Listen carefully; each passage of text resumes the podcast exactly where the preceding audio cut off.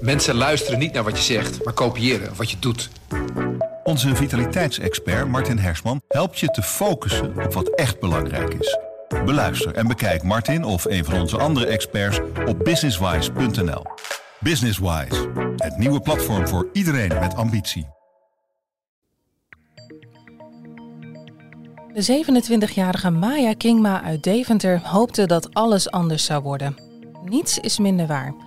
Een jaar na excuses van de Triathlonbond voor misstanden die door haar als eerste werden aangekaart, wordt de beste triatlete van Nederland nog altijd gepest en buitengesloten. En twijfelt ze of ze wel naar de Olympische Spelen in Parijs moet gaan.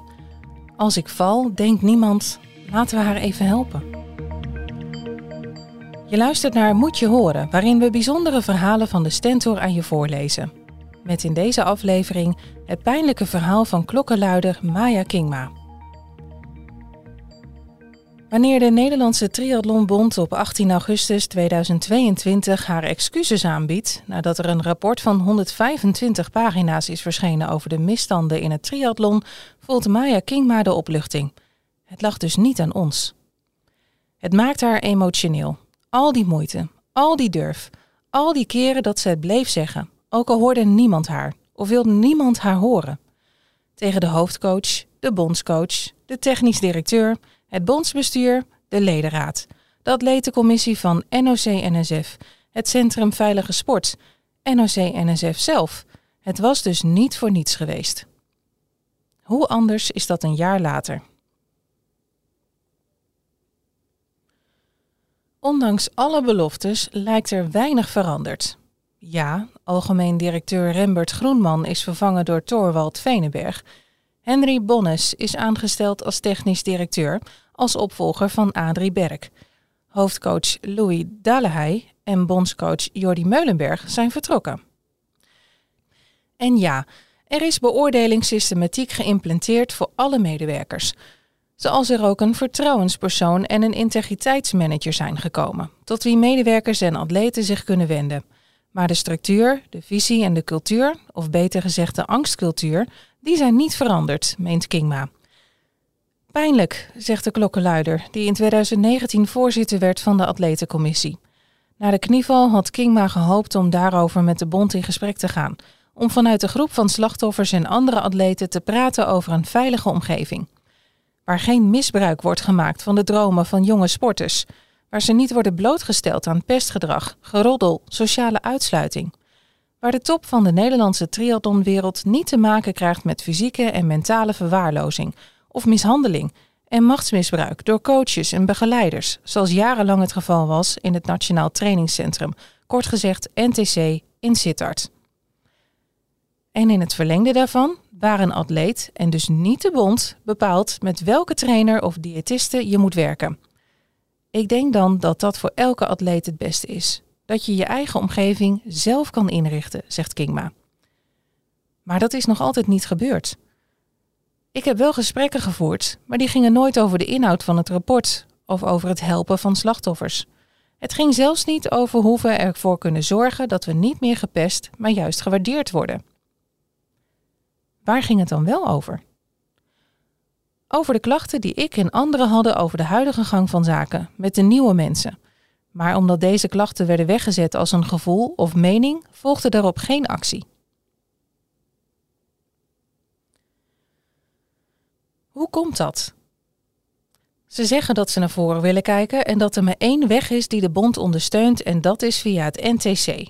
Maar daarmee hou je juist de onafhankelijkheid en het buitensluiten in stand, wat juist de achtergrond is van de meeste problemen. Het is niet het enige wat Kingma verdrietig maakt. Er is dan wel de bevestiging, de erkenning, maar desondanks wordt ze nog altijd gepest en buitengesloten, niet serieus genomen. Zo noemt algemeen directeur Venenberg haar in een mailwisseling, ingezien door deze krant, een vermeend slachtoffer. En laat technisch directeur Bonnes haar in een mail ook in handen van deze krant, weten dat hij haar toonzetting als ongepast en respectloos ervaart. Niet alleen pijnlijk, ook opvallend. Juist omdat in dit Unraveling Report in een passage over Kingma staat dat een groot deel van de ingebrachte punten, voor zover de onderzoekers deze kunnen beoordelen, valide zijn. Als voorbeeld voor het pesten en buitensluiten stipt Kingma, die met een eigen team werkt nadat ze in 2016 het NTC verliet, de wedstrijden in het buitenland aan. Daar word ik gewoon genegeerd. Sterker nog, de bond laat niet eens weten wanneer ze gaan of zij gaan. Laat staan dat ze een mailtje sturen, zo van tof dat je er ook bent. Kunnen we nog iets voor je organiseren? Het is niet zo dat ze me van de fiets duwen, maar als ik val, denkt niemand: laten we haar even helpen.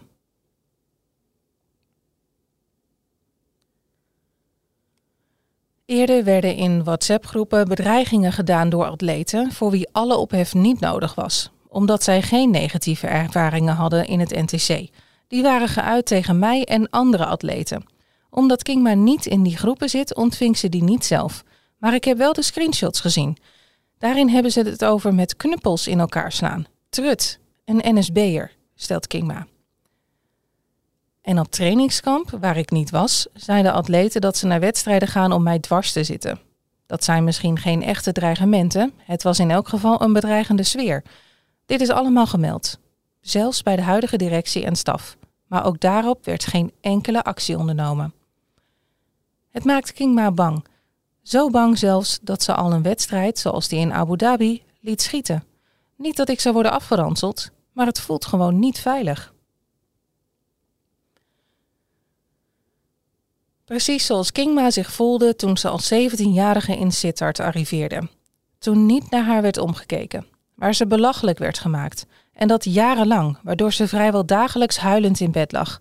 Vergelijk het met school, alsof er een leraar een kind pest. Het leidde tot spanningen, bijna tot een depressie. Het bizarre is, als je in zo'n centrum zit, denk je dat dat normaal is. Je wilt ook geloven dat het normaal is, want je verhuist er naartoe en je denkt: hier word ik het beste begeleid. Want het is een nationaal trainingscentrum met een bondscoach. En dat is allemaal top. En dan is het eigenlijk niet zo top. Wat doet dat met je eigen waarde? Heel veel. Je voelt je niks meer waard. Pas als je presteert ben je wat waard. Maar dan nog heb je het niet zelf gedaan. Dan hebben de coaches het gedaan. Dus het was nooit goed. Nee, complimenten werden niet gegeven. Waardering kreeg je niet. Integendeel, we werden zelfs een beetje tegen elkaar opgezet in trainingen en eromheen. Ook moest Kingma dingen doen waar ze niet achter stond, zoals bepaalde krachttrainingen. Omdat ik daar fors van word, heb ik daar niet zoveel aan. Bovendien, ik was nooit geblesseerd en ineens liep ik met een stressfractuur rond. Maar ja, daar kun je niks over zeggen. Zij vinden dat het goed is, dus is het goed. Nog een voorbeeld. Kingma wilde dolgraag studeren. Ja, ze haalt haar bachelor psychologie en haar master cognitieve neurowetenschappen. Maar dat kon in eerste instantie niet. Want, zo zeiden ze, als je studeert heb je geen topsportmentaliteit. Maar hoe ongelukkig ook, ze durfde het tegen niemand te zeggen, zelfs niet tegen haar ouders. Ik wilde ze niet teleurstellen, dus ga je niet zeggen dat het daar slecht is. Want als je dat doet, is het klaar. Al had ze dat niet erg gevonden, zegt ze nu. Ik heb vaak gedacht, ik stop ermee. Maar ja, een half uur later dacht ik alweer, ik vind de sport wel leuk. Misschien ligt het toch aan mij. En dan probeer je het toch maar weer. Kingma noemt het een achtbaan. Op een gegeven moment weet je het niet meer. In die periode kreeg ik de vraag: welk cijfer geef je jouw leven? Een 7, zei ik. Dat was natuurlijk niet zo. Dat had een 2 moeten zijn. Ik had gewoon geen leven. Kijk, zegt ze, als het alleen een incident was en ik was daar verder vrolijk en je wordt daar gerespecteerd en goed behandeld, ja, dan kun je zeggen dat is jammer, kan een keer gebeuren, moeten we van leren. Maar dat was dus niet zo. Het ging maar door, stelselmatig. En dat maakte het heel pijnlijk. En helemaal omdat het niet veranderd is. Natuurlijk, Kingma koos er zelf voor om haar eigen pad te kiezen, om haar mond open te trekken. Maar dat nog steeds zo met haar wordt omgegaan, doet haar veel verdriet. Soms heb ik echt het gevoel dat ik als pispaaltje word gezien. Kingma vertelt haar verhaal bij haar thuis in Deventer, waar ze sinds een jaar samenwoont met haar vriend Gijs Brouwer, die ook haar coach is bij de wedstrijden. Een prima plek, zegt de atlete van Triami. Ze hoeft de deur maar uit en ze kan meteen de nodige kilometers maken, op de fiets of lopend. Het zwembad is dichtbij.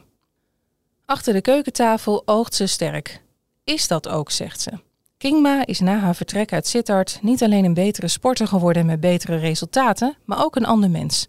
Ja, het gaat goed, zegt ze, en ik ben gelukkiger. Al is ze nog niet helemaal de oude. Zo is haar zelfvertrouwen nog steeds fragiel. Dus borrelt binnenin de onzekerheid. Helemaal omdat Kingma nog niet weet of ze tijdens de Olympische Spelen in Parijs met haar eigen coach kan werken. En misschien wel moet worden gecoacht en ondersteund door een staf die haar nooit heeft zien staan, nooit waardering gaf en nooit vroeg of ze haar misschien moeten helpen. Het zorgt voor twijfel. Zoveel dat Kingma al heeft overwogen een andere nationaliteit aan te nemen. Maar dat idee komt vrij snel van tafel. Om een ander paspoort te kunnen krijgen moet je doorgaans minimaal vijf jaar ergens wonen en werken. Die tijd hebben we niet meer.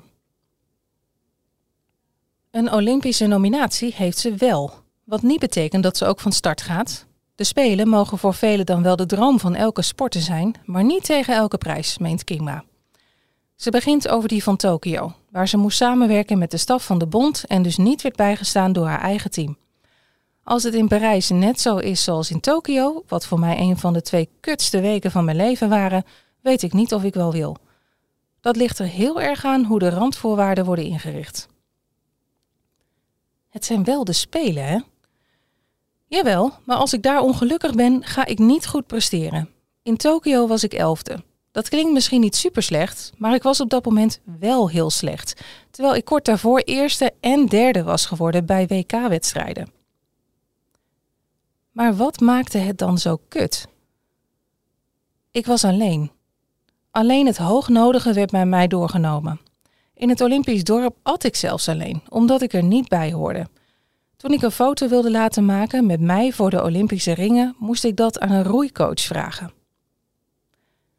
Kingma weet nog niet wanneer ze de beslissing neemt. Dat komt later wel, op het juiste moment.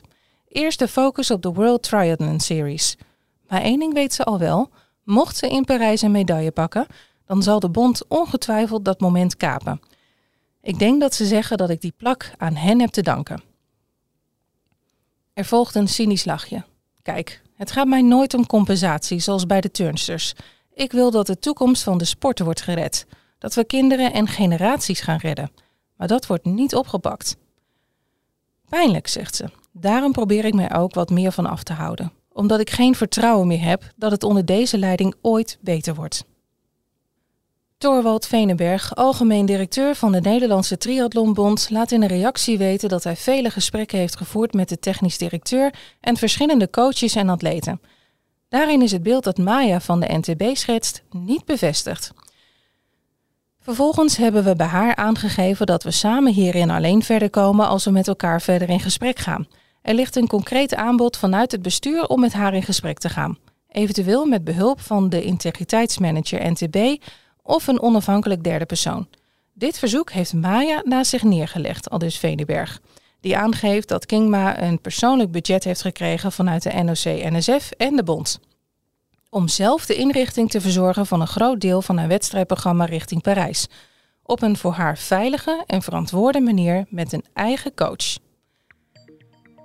In een reactie laat Maya Kingma weten dat ze niet zou weten waarover dat gesprek zou moeten gaan. Zonder een fatsoenlijke klachtenprocedure, dus zonder dat ik een eerlijke kans heb gehad, trekken zij de conclusie dat de technisch directeur alles goed heeft gedaan en dat het dus alleen mijn gevoel is. Fijn dat je luisterde naar Moet je horen. Wil je meer bijzondere verhalen? Ga dan naar de stentor.nl slash moet je horen of download onze app.